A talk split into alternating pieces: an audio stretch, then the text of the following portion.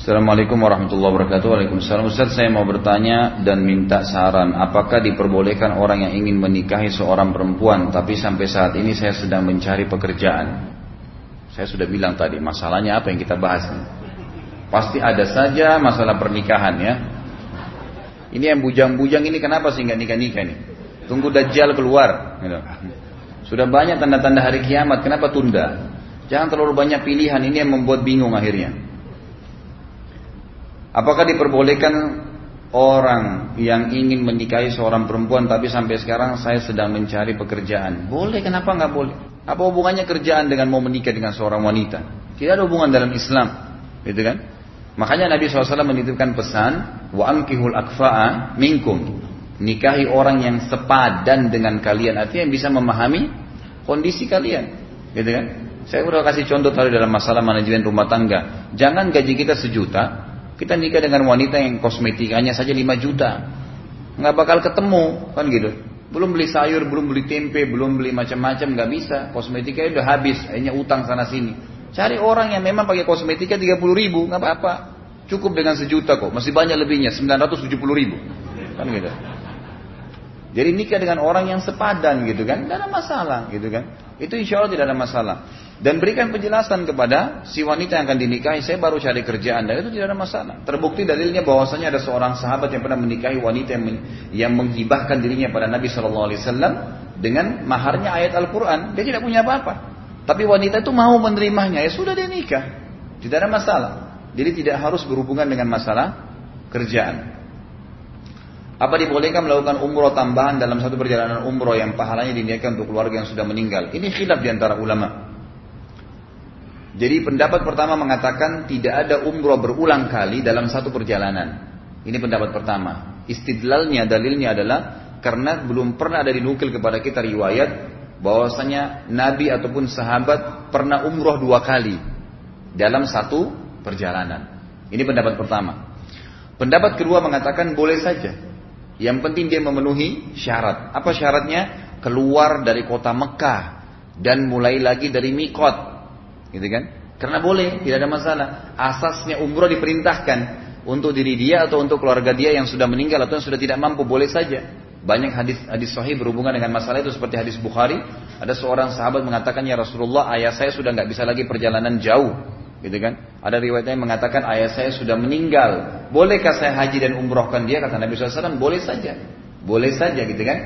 Maka yang terjadi adalah kalau seandainya orang di dalam Mekah datang dari luar kemudian dia haji atau dia umroh dua kali tiga kali sementara dalam Mekah dia dia tidak keluar dari Mekah gitu kan tidak keluar dari perbatasan Mekah tidak ke mikot lagi baru maka ini yang tidak boleh sepakat ulama tapi pendapat kedua mengatakan kalau dia keluar dari Mekah maka dibolehkan saja karena memang dasarnya ibadahnya dibolehkan kalau keluar dari kota Mekah lagi gitu kan seperti orang yang baru masuk Apalagi, apalagi kalau memang dasarnya dia datang dari negeri yang jauh dan biayanya mahal. Susah. Misal, ada orang kita dari pedalaman mungkin di Indonesia, mungkin dia untuk ngumpulin uang 20 juta umroh itu, butuh mungkin 20 tahun. Kemudian dia pada saat umroh, orang tuanya sudah meninggal nggak pernah umroh sebelumnya. Dia nggak mungkin bisa ulangi umroh lagi. Nah pendapat kedua ini mengatakan boleh, tapi penuhi syarat. Dia keluar, dia keluar dari kota Mekah, cari di mana mikot terdekat. Misal dia ke Madinah, gitu kan? Misal dia ke ya, tempat yang pernah Nabi SAW juga mikot di situ adalah ya, Bi'rana, gitu kan? Pernah mikot di sana, kurang lebih mungkin sekitar satu jam dari kota Mekah. Umumnya biasanya orang yang berpegang pendapat kedua ini ke daerah situ. Kemudian dia umrohkan untuk orang tuanya yang susah tadi. Beda kalau dasarnya orang di Saudi tinggal. Kalau orang di Madinah dia bisa tiap minggu pergi. Kami dulu waktu masih mahasiswa memang terbuka sekali kan untuk ke sana karena tinggal bayar bus 60 real pulang pergi 120 real pulang pergi selesai. Tapi kalau kayak di Indonesia apalagi orang susah kan gitu. Allahu alam. Jadi saya kalau secara pribadi saya tetap cenderung dengan pendapat kedua secara pribadi kan gitu. Saya tidak mengatakan ini pendapat umum karena saya melihat maslahat-maslahat yang disebutkan oleh para ulama tentang masalah besarnya biaya dan jauhnya jarak yang ditempuh oleh orang-orang yang datang gitu kan. Tapi juga jangan berlebihan, jangan juga berlebihan. Seperti misalnya orang dari dalam Mekah terus dia pakai ihram kemudian dia langsung umroh lagi. Ini nggak boleh memang gitu kan. Karena memang dia harus keluar dari wilayah haram itu sendiri. Tawaf sunnah, apa boleh kita niatkan pahalanya untuk keluarga yang sudah meninggal? Tidak boleh. Karena tidak ada, tidak ada pernah perintahnya itu. Nggak pernah ada dalil tawaf boleh untuk orang mati.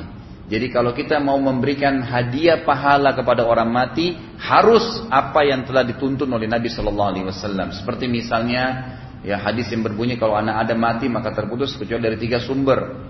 Ya, ilmu bermanfaat, eh, sodaka jariah, ilmu bermanfaat atau anak soleh mendoakan atau doa umat Islam kepada muslim yang lain. Sebagaimana sabda Nabi SAW juga dalam hadis sahih, seorang doa muslim kepada muslim yang lain ala zahril ghaib tanpa dia hadir bersama. Sebagian ulama hadis bilang kalau sudah meninggal didoakan, maka akan ya, tersampai atau terkabulkan. Kemudian bolehnya haji dan umroh untuk mereka, gitu kan? Ini dibolehkan. Kalau selain ini, bolehkah saya kirim Al-Fatihah untuk orang mati? Al-Quran bacakan? Tanya, Rasulullah SAW pernah gak kirim Al-Fatihah untuk ahli Badar atau ahli Uhud? Gak pernah ada riwayat masalah itu. Baca Quran adalah ibadah, tapi tidak pernah Nabi contohin, maka jangan dilakukan, gitu kan? Sholat sunnah, bolehkah saya sholat duha berjamaah? Enggak boleh, karena memang Nabi SAW tidak pernah contohkan duha berjamaah. Tapi kalau sholat tahajud, boleh, karena Nabi pernah contohkan, tapi enggak umum dalam semua ibadah. Kan gitu. Kalau semua sunnah boleh berjamaah, maka nanti orang sholat qabliyah boleh berjamaah, sholat ba'diyah boleh berjamaah dan seterusnya. Tapi memang ada yang dibolehkan. Jadi ibadah itu sifatnya tawakuf. Tidak boleh dikerjakan sampai ada perintah. Sholat sunnah setelah perjalanan safar, misal umroh untuk wanita, apa tetap diharuskan mencari masjid sebelum masuk rumah atau sebagai di rumah seperti halnya sholat terbaik wanita adalah di rumah. Jadi tidak ada kata-kata harus untuk sunnah ya. Sudah dikatakan dalam pertanyaan ini sholat sunnah setelah perjalanan safar. Memang ada hadis Nabi SAW setiap kali datang dari safar, pertama masuk Madinah selalu sholat dulu dua rakaat di masjid, kemudian pulang ke rumahnya. Maka keluarlah istilah, sebagian ulama fikih mengatakan sholat safar, gitu kan? Nah ini sunnah hukumnya, sunnah hukum laki-laki atau perempuan, tidak ada masalah. Tapi kalau dia tidak mampu memang mendapatkan masjid, ya dia sholat. Intinya dia datang, yang paling pertama dia kerjakan sholat. Gitu kan? Itu intinya. Kalau dia bisa dapat masjid maka lebih baik lagi, ya, lebih baik. Bagaimana cara memahami dalil hukumnya sunnah atau wajib untuk dilakukan? Misal hadis menggerakkan telunjuk saat membaca tasyahud hukumnya sunnah dan isbal hukumnya wajib ditaati. Sunnah di awal kelas hadis sudah kita jelaskan. Sunnah Nabi Shallallahu Alaihi Wasallam itu adalah induk judul. Di bawahnya itu ada hukum wajib, hukum sunnah, hukum eh, haram, hukum mubah, hukum makruh. Di bawah induknya sunnah Nabi. Seperti misalnya wajibnya sunnah Nabi, kita fahami dari adanya perintah fi'lul amr. Perintah langsung, misal, Sallu kama ra'aitumuni usolli. Salatlah sebagaimana kalian lihat saya salat. Perintah. Berarti ini wajib. Wajib mencontohi salatnya Nabi sallallahu alaihi wasallam. Dalam masalah haji dan umrah beliau mengatakan khudu anni manasikakum. Ambil dari saya, lihat dari saya baik-baik kepada para sahabat yang nanti sahabat nukil kepada kita. Manasik haji kalian, cara hajinya umroh ini ikuti saya. Perintah, gitu kan? Ada ibadah-ibadah yang memang di dalam induk sunnah tadi, itu hukumnya sunnah. Dari definisi sunnah yang khusus, maksudnya dikerjakan dapat pahala, ditinggalkan tidak dosa. Seperti misalnya perintah Nabi SAW tentang sholat-sholat sunnah, gitu kan? Siapa perintah kayak pilihan? Siapa yang menjaga 12 rakaat sehari semalam? Kan gitu. Man hafidha itna asyara kala fi kulli yawmin wa layla banallahu lahu baitan fil jannah. Siapa yang menjaga 12 rakaat sunnah sehari semalam, Allah akan bangun baginya istana di surga. Enggak ada perintah kan? Tapi opsi silahkan. Yang mau jaga dapat istana di surga. Berarti hukumnya sunnah karena tidak ada penekanan keharusan, gitu kan? Bisa juga haram, dari sunnah Nabi SAW seperti misalnya larangan dari Nabi SAW. Nabi larang. Kan gitu. La tahasadu wa la tabagadu. Kan gitu. Jangan saling hasud, jangan saling menghina. Itu berarti larangan, larangan, larangan. Hukumnya haram kalau dilanggar. Gitu kan. Bisa saja sesuatu yang makruh. Yang Nabi SAW larang tapi nggak diikuti dengan ancaman. nggak diikuti dengan ancaman, gitu kan? Hanya sekedar peringatan-peringatan saja. Ya sesuatu yang sifatnya ya kalau dikerja tidak dikerjakan maka lebih baik maka lebih baik nah itu ada di antara yang disampaikan oleh Nabi Shallallahu Alaihi Wasallam, gitu kan? Seperti misalnya dimakruhkan ya orang-orang yang sedang safar untuk berpuasa kalau dia tidak mampu, kan gitu. Nabi Shallallahu Alaihi Wasallam pernah mengatakan bukan dari sesuatu yang baik, gitu kan? Bukan dari perbuatan pahala, seseorang memaksakan diri puasa dalam safar. Maksudnya waktu itu ada sebabnya, karena ada seorang sahabat waktu itu lagi panas sekali dan sahabat dia lagi puasa. Sahabat-sahabat yang lain pada siram-siramin kepalanya dengan air dingin karena dia tahu orang ini kepanasan gitu kan. Dan dia, dia waktu itu puasa sunnah. Dan ternyata kalau dia dia batalin tidak apa-apa bagi dia. Ada rukhsah, ada keringanan gitu kan. Nabi lihat keadaannya sangat haus dan dia menyiksa diri kata Nabi SAW, "Laisa minal bir as-saumu fis safar." Bukan bagian daripada kebajikan berpuasa pada saat sedang safar. Maka ulama bilang dimakruhkan di sini sebenarnya ya makruh sifatnya. Artinya orang musafir boleh tidak puasa. Tapi kalau dia taklif maka berbahaya buat dia gitu kan? Tapi kalau dia lanjutin puasanya tidak ada masalah karena tidak ada ancaman. Mungkin mubah. Mubah seperti perilaku Nabi Shallallahu Alaihi Wasallam. Beliau tidur di waktu-waktu beliau ngantuk misalnya gitu kan? Itu hubungnya mubah. Tidur memakan makanan yang halal hubungnya mubah. Semua dibawa induk sunnah Nabi Shallallahu Alaihi Wasallam Assalamualaikum mau tanya, apakah apa perbedaan faidah sholat duha dua rakaat dengan empat rakaat? Lalu apa yang dimaksud dengan bersedekah dengan 360 sendi? Bagaimana kalau tidak melakukannya? Apakah berdosa? Apakah ada doa khusus untuk sholat duha? Jadi duha adalah sholat sunnah, sholat sunnah, gitu kan? Nabi saw menyebutkan fadilah-fadilahnya saja, fadilah-fadilahnya. Jadi tidak ada ancaman bagi yang meninggalkannya. Maka dia masuk dalam bab hukumnya sunnah. Seperti misalnya di sini dikatakan apa perbedaan antara duha dua rakaat dengan empat rakaat. Ada perbedaan seperti misalnya kalau dua rakaat eh, apa namanya disebutkan fadilahnya dalam tubuh manusia kata Nabi SAW ada 360 sendi. Setiap hari dia punya kewajiban untuk bersedekah sebagai tanda syukur kepada Allah untuk setiap sendinya. Jadi kalau sering saya bahasakan satu sendi ini misalnya di jari kita ada tiga sendi nih. Satu sendi ini misalnya kalau patah, di dokter dibayar diganti satu juta. Ini berarti sudah tiga juta nih sodokahnya. Hitung berapa sendi-sendi anda di tubuh 360. Kalau satu juta itu berarti berapa? Gitu kan? 360 juta per harinya. Lalu apa kata Nabi Shallallahu Alaihi Wasallam? Dan dua rakaat sholat duha menggantikan dan menutupi sodakah 360 sendi itu. Hanya dengan dua rakaat saja. Gitu kan? Baik. Ini yang dua rakaat dan ini minimal waktu sholat duha atau uh, minimal jumlah rakaat duha. Sebagaimana juga dalam hadis Sahih Bukhari Muslim, seorang sahabat berkata, uh, Ka'ab Malik tepatnya berkata radhiyallahu anhu, "Ausani khalili bi Saya diwasiatkan kasih saya Rasulullah tiga hal. Lan ada'unna ma ishtu. Tidak pernah saya tinggalkan selama saya hidup. Rakaatai duha. Dua rakaat sholat duha. Itu wasiat Nabi kepada sahabat ini wasau wa, wa, wa, wa asumu thalatha ayyam min kulli syahr. Dan saya puasa tiga hari setiap bulannya berturut-turut. Puasa ayyamul bid yang sudah pernah kita jelaskan 13, 14, 15 afdalnya tapi boleh tanggal-tanggal lain yang penting tiga hari berturut-turut. Dan Syekh Utsaimin mengatakan boleh juga dipisahin yang penting niatnya untuk tiga hari dalam satu bulan. Kemudian yang ketiga boleh mengatakan wa alla ana hatta utir.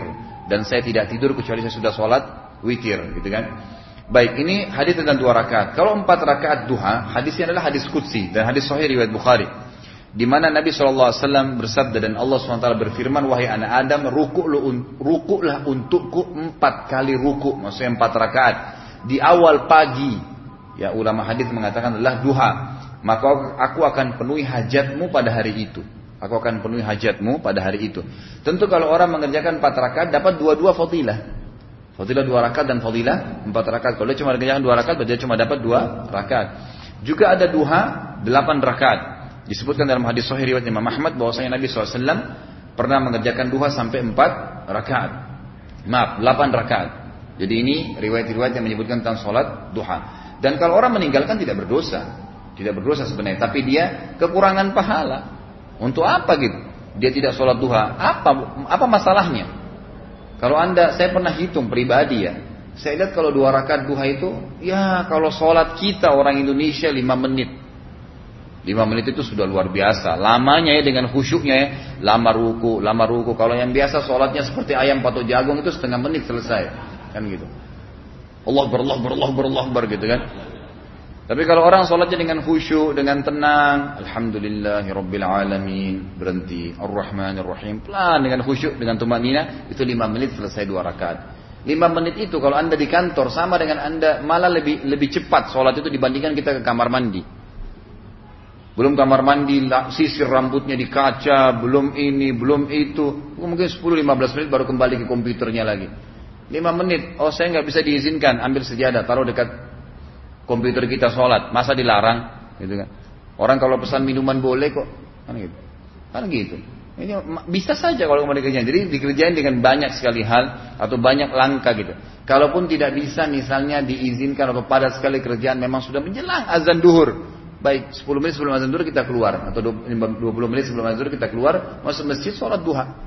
Masih bisa sebelum azan duhur gitu kan. Masih banyak waktu. Atau kalau anda keluar rumah misalnya jam 8 pagi baru keluar.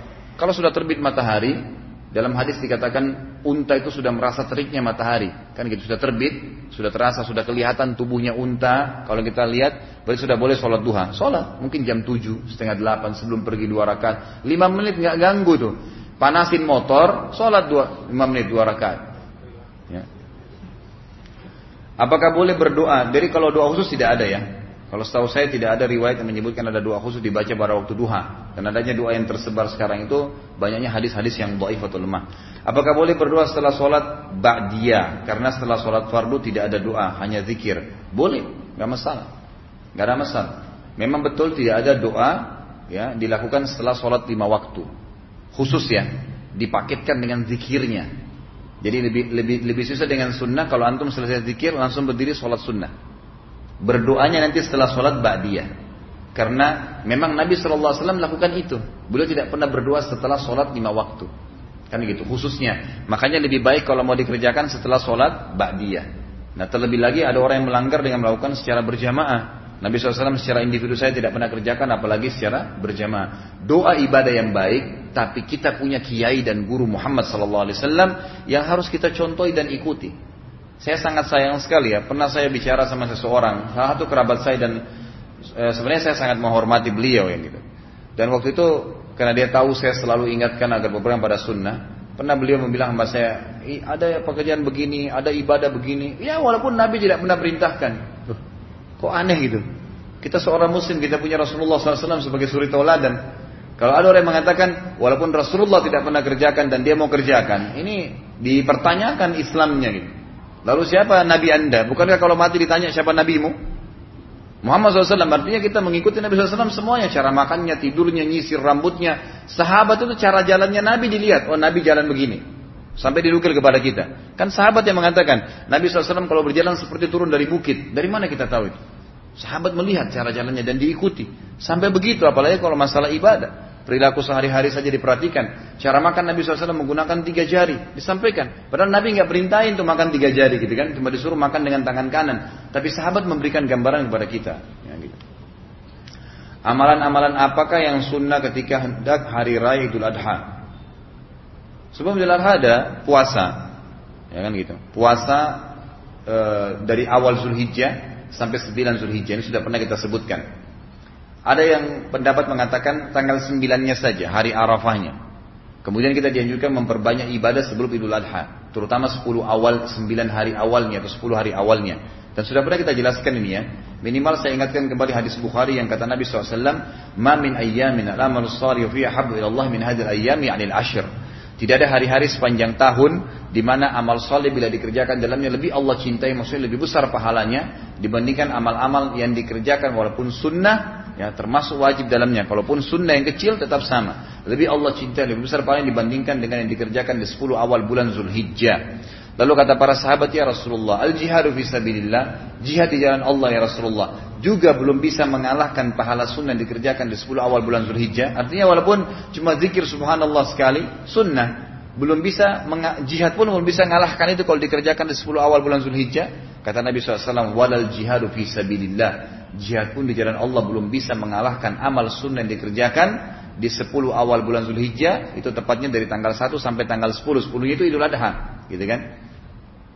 Illa rajulun kharaja bi nafsi wa mali wa lam yarji bidzalika bi kecuali seseorang yang keluar berjihad membawa seluruh harta dan jiwanya, lalu dia tidak membawa pulang keduanya. Artinya dia mati syahid, semua harta diinfakkan habis jalan Allah, baru sama dengan orang yang berbuat amal amal ibadah sekecil apa pun sunnah di 10 awal bulan Zulhijjah. Puncaknya anda ibadah haji, puncaknya itu ibadah haji.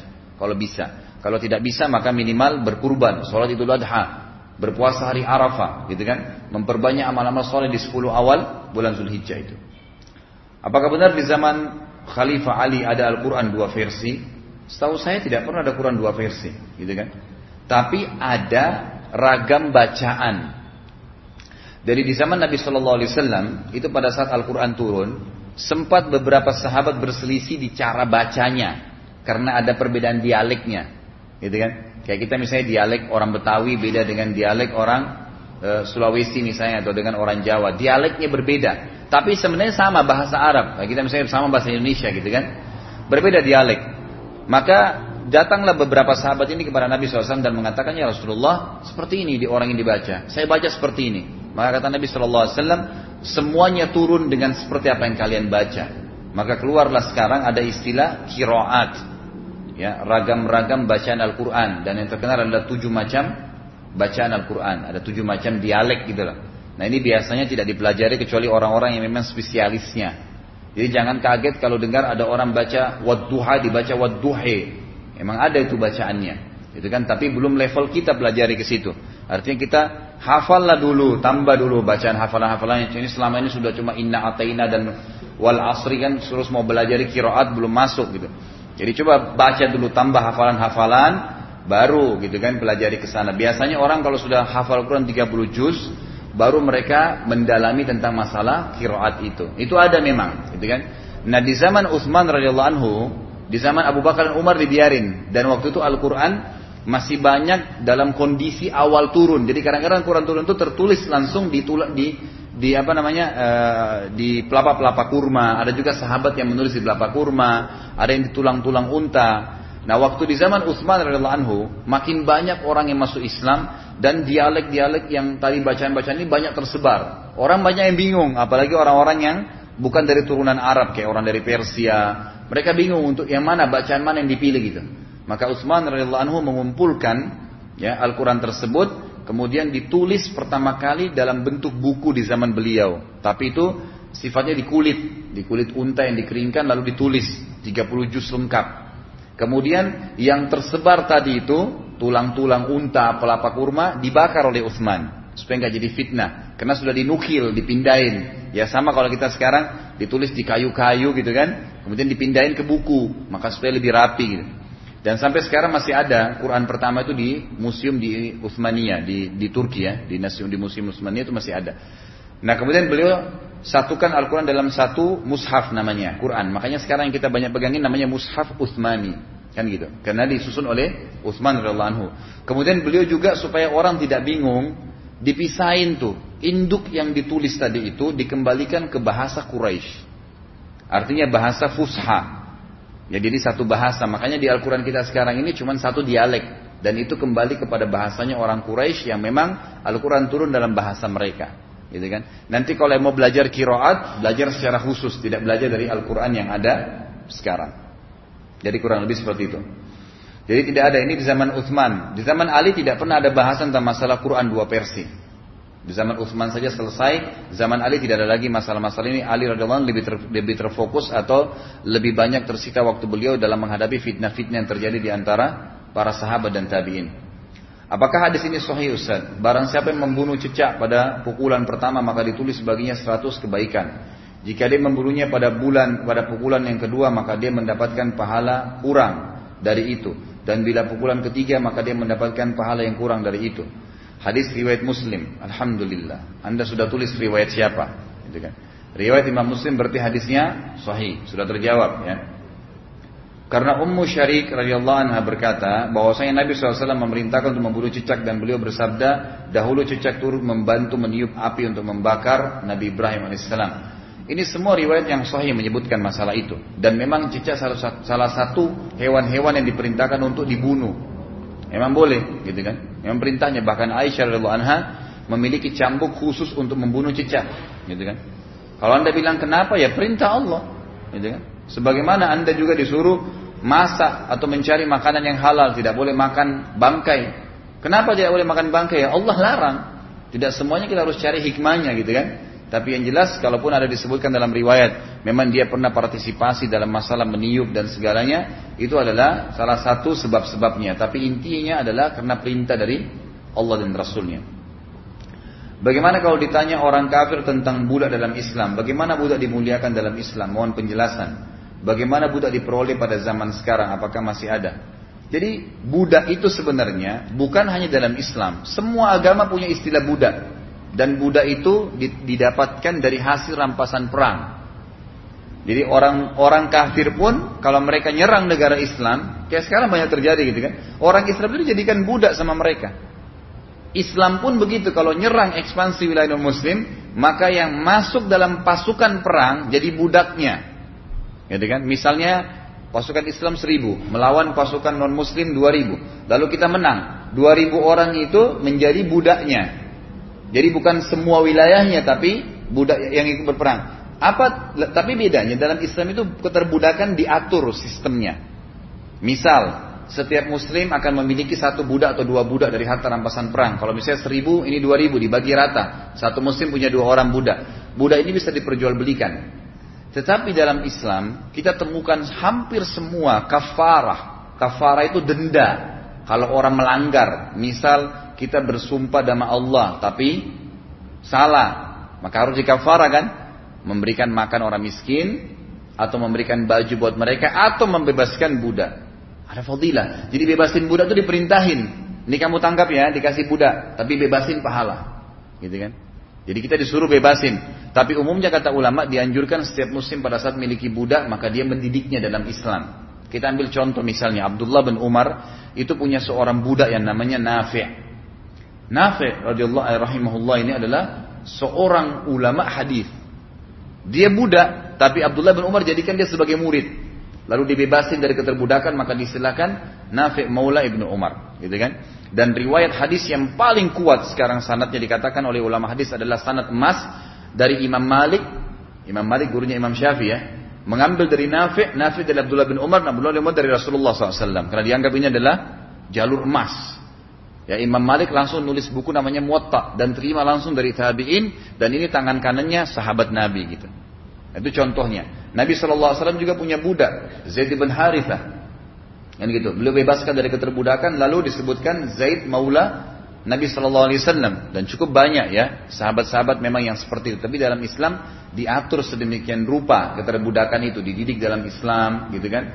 Kemudian dibebaskan. Selalu ada disuruh bebaskan budak. Orang yang berhubungan siang hari Ramadan suami istri, maka diperintahkan kafaranya membebasin budak. Kalau nggak bisa, ya memberikan makan 60 orang miskin. Kalau nggak bisa puasa dua bulan berturut-turut, gitu kan? Adakah riwayat yang menjelaskan mengenai sebutan Allah wajah pada Ali bin Abi Thalib anhu? Karena ada sebagian ulama yang selalu menyebut gelar tersebut ketika menyebut nama Ali radhiyallahu anhu. Ini sebenarnya belum ada. Kalau riwayat dari Nabi nggak ada. Riwayat dari Nabi SAW tidak ada. Tapi sebagian ahli sejarah yang menukil tentang kisah atau e, menyebutkan tentang manakib Ali, ya kelebihan-kelebihan Ali radhiyallahu anhu, e, mereka ada yang menukil secara lafziyah, bukan hadis, tidak ada hadis Nabi. Bahwasanya Ali ini tidak pernah melihat kemaluannya sendiri, gitu kan? Maka mereka mengatakan karramallahu wajah, Allah memuliakan wajahnya. Seperti itu. Jadi kalau ditanya, bolehkah disebutkan julukan ini? Ya kalau kita kembali kepada ahli sejarah boleh saja, gitu kan? Boleh saja disebutkan, tapi jangan dianggap dari Nabi Shallallahu Alaihi Wasallam, gitu kan? Kalau mau lebih umum maka dikatakan radhiyallahu anhu. Karena itu yang Allah sudah mengatakan dalam Al-Quran, semua sahabat radhiyallahu anhum waradu an. Kan gitu. Sudah jelas Allah gunakan kata-kata radhiyallahu anhum. Bagaimana para Ustaz mengenai Sayyid Kutub dan Hasan al-Banna rahimahumullah? Dikarenakan ada sebagian kelompok dari umat Islam yang e, terkesan anti dengan nama-nama dua ulama tersebut. Perlu Anda tahu dan sering saya ulangi ini. Saya dalam apa materi dan pengajian saya secara pribadi saya tidak pernah membahas individu. Jadi tolong jangan ditanyakan kepada saya masalah individu. Bagi saya semua muslim baik di mata Allah Subhanahu wa taala. Bagi saya. Dan yang sudah berkorban untuk agama Allah, maka kita mengatakan semoga Allah rahmati kalau sudah meninggal. Kalau dia salah, semoga Allah ampuni. Itu yang saya bisa jawab. Kalau ditanyakan bagaimana kemudian menghardik, menyalahkan itu bukan tugas saya. Bukan cuma para ulama, kan gitu.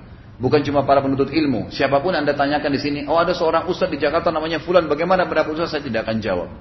Bukan saya secara pribadi memang ya, melepaskan diri saya dari masalah membahas seorang muslim karena mencoreng kehormatan muslim berarti apa?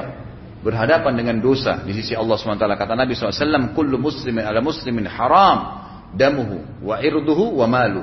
Semua muslim terhadap muslim yang lain hukumnya haram. Apa yang dikatakan? Darahnya. nggak boleh tumpahin darahnya. Irduhu, kehormatannya, wa maluhu, dan hartanya. Tidak boleh sama sekali. Orang yang hidup saja kita tidak boleh salahkan. Kalau ada kesalahan dia, kita punya kewajiban untuk membenarkan. Kata Nabi SAW apa? Unsur akhaka zaliman atau mazluman. Tolong saudara muslim dalam keadaan dia berbuat zalim atau dia dizalimi. Kata sahabat begini, ya Rasulullah, orang yang terzalimi masuk akal kami bantu. Orang yang berbuat zalim, bagaimana kami bantu? Zalim kita bantu. Kata Nabi SAW, iya, kau luruskan kesalahannya. Nasihati dia luruskan kesalahan itu masih kita disuruh lakukan gitu kan jadi nasihatin bukan kita sebarin ke mana-mana kesalahan dia Allahu alam ini penting sekali dan jangan sampai kita menyiapkan musuh pada hari kiamat ada sebagian kelompok yang mengaku bermanhaj salaf tetapi terkesan lebih senang untuk berinteraksi terutama dalam urusan dakwah hanya dengan sesama kelompoknya sehingga mengesankan kurang nyaman atau acuh dan tiacuh dari saudara muslim yang belum faham sunnah. Bagaimana tanggapan terhadap orang-orang seperti ini? Allah musta'an. Ya. Semoga Allah menolong kita. Itu bukan bagian daripada sunnah. Saya akan terus menasihati diri saya dan semua ikhwat dan akhwat, semua bapak-bapak dan ibu-ibu yang sudah belajar atau mulai belajar sunnah. Kalau kita menjadi orang yang mengikuti sunnah Nabi SAW, mesti kita menjadi orang yang lebih faham sunnah, lebih praktekin sunnah. Kenapa kok sekarang sudah berjenggot, sudah tidak isbal, sudah hadirin majelis salim, ustadz ini, ustadz itu, malah nggak pernah senyum dengan muslim yang lain. Loh, kok aneh ini? Mestinya malah dia yang sebarin senyum. Karena kata Nabi SAW apa? Semua ya yang dikerjakan kebaikan sedekah. Menyuruh kepada kebaikan sedekah, melarang kemuliaan sedekah, bertasbih sedekah, bertahlil sedekah. Bahkan kata Nabi SAW, bahkan senyummu ke wajah saudaramu muslim adalah sedekah. Jangan kamu pelit dengan mereka walaupun hanya dengan senyum dengan saudara muslim. Senyum, sapa mereka. Nabi SAW waktu Abdullah bin Ubay, uh, Ubay, uh, Ubaidillah bin Salul, pimpinan orang munafikin, sudah mati, gitu kan? Sudah mati. Dan Allah Subhanahu Wa Taala memang melarang Nabi SAW berinteraksi lagi dengan Abdullah ini. Tapi Nabi SAW merasa kesian gitu. Ya, Nabi SAW waktu itu belum ada larang ancaman yang sangat keras untuk tidak boleh sholatin mereka. Maka Nabi SAW berdiri ingin sholati. Umar datang dan Umar mengatakan, Ya Rasulullah, pimpinan munafik, kenapa anda sholati? Jelas gitu. Kata Nabi SAW, wahai Umar, biarkan saya, saya ingin sholati dia. Kata Umar dalam hadis Bukhari, belum pernah saya berbuat kasar pada Nabi kecuali pada waktu itu. Tiba-tiba saya pegang pundak Nabi, ya Rasulullah, munafik, jangan disolati. Kata Nabi SAW, wahai Umar, saya tetap akan solati selama Allah belum larang untuk menyolatinya. Gitu kan? Begitu rahmatnya hati beliau, padahal ini orang munafik. Apa sih munafik itu? Pura-pura Islam. Tapi karena umumnya dia adalah muslim selesai. Kita hukumi dia secara zahirnya, gitu kan? Kata Nabi SAW, dan saya akan beristighfar untuk mereka, wahai, wahai Umar, walaupun 70 kali agar Allah mau ampuni. Hanya turun ayat yang melarang Nabi SAW sebagaimana Umar minta. Jangan kau solati mereka, jangan kau beristighfar untuk mereka, jangan kau berdiri di kuburannya mereka. Selesai, mereka telah kafir, baru Nabi SAW tinggalkan. Tapi begitu rahmatnya Nabi SAW gitu kan. Itu munafik. Bagaimana dengan seorang muslim? Ada marbot masjid, ada tetangga, ada teman sekolah dulu, teman kantor. Kita kena paham sunnah. Biasanya standar godaan setan ya. Oh, kau sudah paham sunnah itu ahli nar tuh. Penghuni neraka itu. Oh masih tutup mata kakinya. Oh masih belum sholat berjamaah di masjid. Ya akhi nasihati. Datang ke dia sampaikan. Apa yang dulu membuat anda bisa tertarik ke masjid? Sampaikan ke dia. Mudah-mudahan dia terbuka hatinya juga. Apa kata Allah SWT tentang Nabi Sallallahu Alaihi Wasallam? Walau kunta faddan ghalidan qalbi lam faddu min haulik. Kalau seandainya kau Muhammad keras hati, kasar, pada saat mereka salah, usir, kafir, tinggalkan, tidak dijenguk, tidak dilihat, maka pasti mereka semua akan bubar, nggak ada pengikutmu. Nggak ada pengikut. Makanya Nabi SAW itu adalah orang yang luar biasa, pemaaf, gitu kan? Memaafkan orang sudah minta maaf sudah. Orang taubat ya sudah, gitu kan? Ada sahabat sempat berzina, mengatakan ya Rasulullah, saya berzina hukum saya. Nabi SAW lagi hadapan wajah gini, alihkan wajah. Nabi bilang, mungkin kau hanya memegangnya. Datang lagi dia sini. Ya Rasulullah, saya berzina. Hukum saya. Kata Nabi SAW, balik lagi ke sini. Mungkin kau hanya menciumnya. Maksudnya apa? Nabi kasih, tobat deh, sana pergi. Jangan dihukum. Tobat, kamu sudah sesali, tobat kepada Allah. Allah ampuni. Dia kejar lagi Nabi. Ya Rasulullah, saya letakkan kemaluan saya di kemaluannya. Saya berzina, hukum saya Rasulullah. Kata Nabi SAW, baiklah. Ya kan sudah dikasih kesempatan tadinya. Orang harus bijak memahami itu. Lalu dia, dia karena sudah menikah, dirajam oleh Nabi SAW. Waktu dirajam, gitu kan, ada seorang sahabat marah dengan orang ini. Diambil batu, dihantam kepalanya, mati orang itu, sambil dia mengatakan begini, semoga Allah melaknatmu. Kata Nabi SAW apa? Ini pezina, dia dihukum kan? Memang sudah harus dibunuh, dirajam gitu. Lalu kata Nabi SAW, jangan kau laknat dia. Tidakkah kalian membiarkan dia pergi? Mungkin dia taubat. Allah terima taubatnya. Karena itu cuma apa? Shock terapi kan semestinya. Supaya orang tidak ulangi. Efek jerah. Mestinya begitu. Islam begitu. Penuh kasih sayang. Bukan semuanya orang main ditebas, main dibunuh, main dipukul gitu kan. Tidak ada dalam Islam itu. Tadi kita sudah bahas, kita harus malah merendah gitu. Tinggal 7 menit. Pertanyaannya masih 30 barangkali. Soalnya masya Allah satu kertas lima pertanyaan tujuh gitu kan. Mana masuk masalah sholat lah, masalah ini, masalah macam-macam.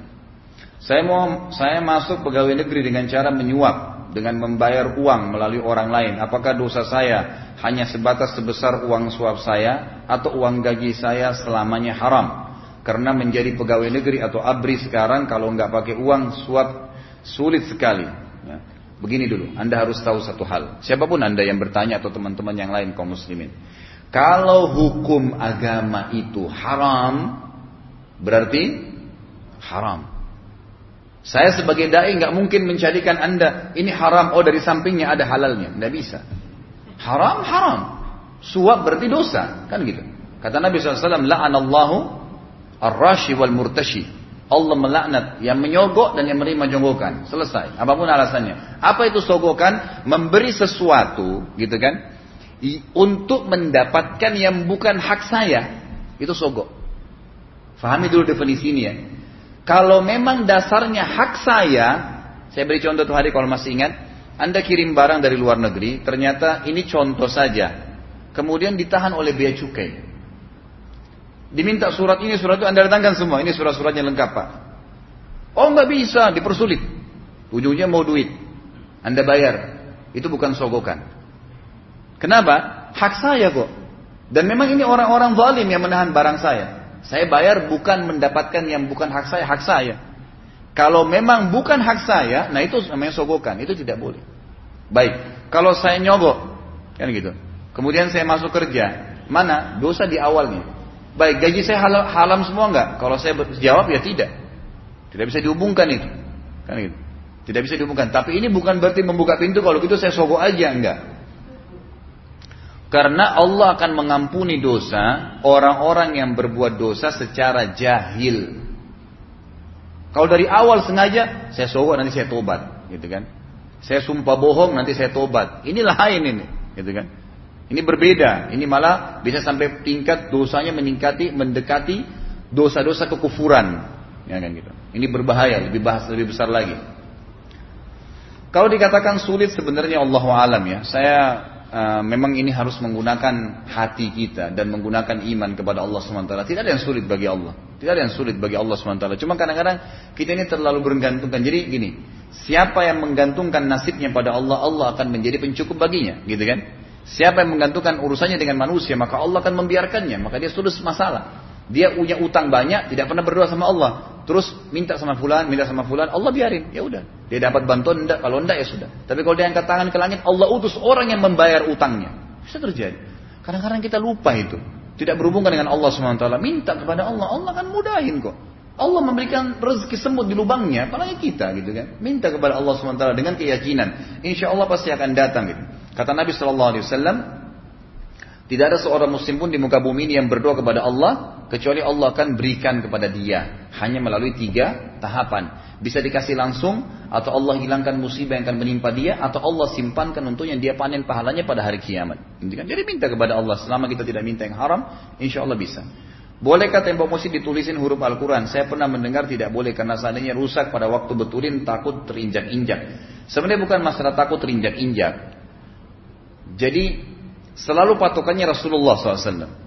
Patokan kita adalah Rasulullah. Enaknya kita sebagai muslim ini dimanjakan sama Allah. Tuhan kita satu. Nggak perlu minta kecuali kepada Allah. Gitu kan? Enak sekali kalau kita punya Tuhan itu cuma satu. Atasannya cuma satu. Gitu. Nabi kita cuma satu. Nabi Muhammad SAW. Kita tidak, walaupun Nabi Isa ada, sudah dihapus risalahnya. Kita imani adanya tapi tidak perlu diikutin. Sudah selesai. Nabi Muhammad saja. Ciplak. Cara makannya, cara tidurnya. Apa saja, apa saja. Ciplak semua. Cara jalannya, pakaiannya, semua. Berpolitik, berumah tangga, berekonomi, semua diciplak. Kita bangun masjid. Masjid untuk apa? Untuk Allah SWT. Rumah. Baik tanya, Rasulullah untuk bangun masjid bagaimana? Digantung-gantungkan ke ayat? Jawabannya tidak. Gitu kan? Jadi kalau mau sesuai dengan sunnah memang tidak ada tulisan semestinya, gitu kan?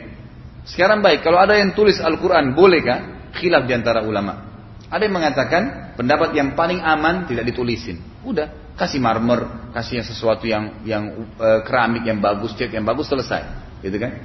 Ini pendapat yang paling kuat. Pendapat yang kedua mengatakan masih boleh kalau memang dia menulis ayat-ayat yang benar dan memang tidak mengganggu orang yang sholat. Tapi ini pendapat yang marju. Ya pendapat kedua yang lemah atau terlemahkan. Allah alam. Kalau di sini dikatakan khawatir nanti kalau dibetulkan terinjak-injak itu kan tidak dijadikan alasan karena bisa dihapus, bisa dicet kembali kan gitu. Kemudian di ini kalau begitu.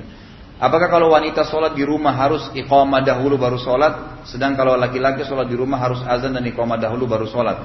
Kalau yang kita ketahui, Allah yang saya ketahui dalam buku-buku fikih memang dan disebutkan dalam beberapa riwayat wanita tidak punya kewajiban untuk azan dan iqamah.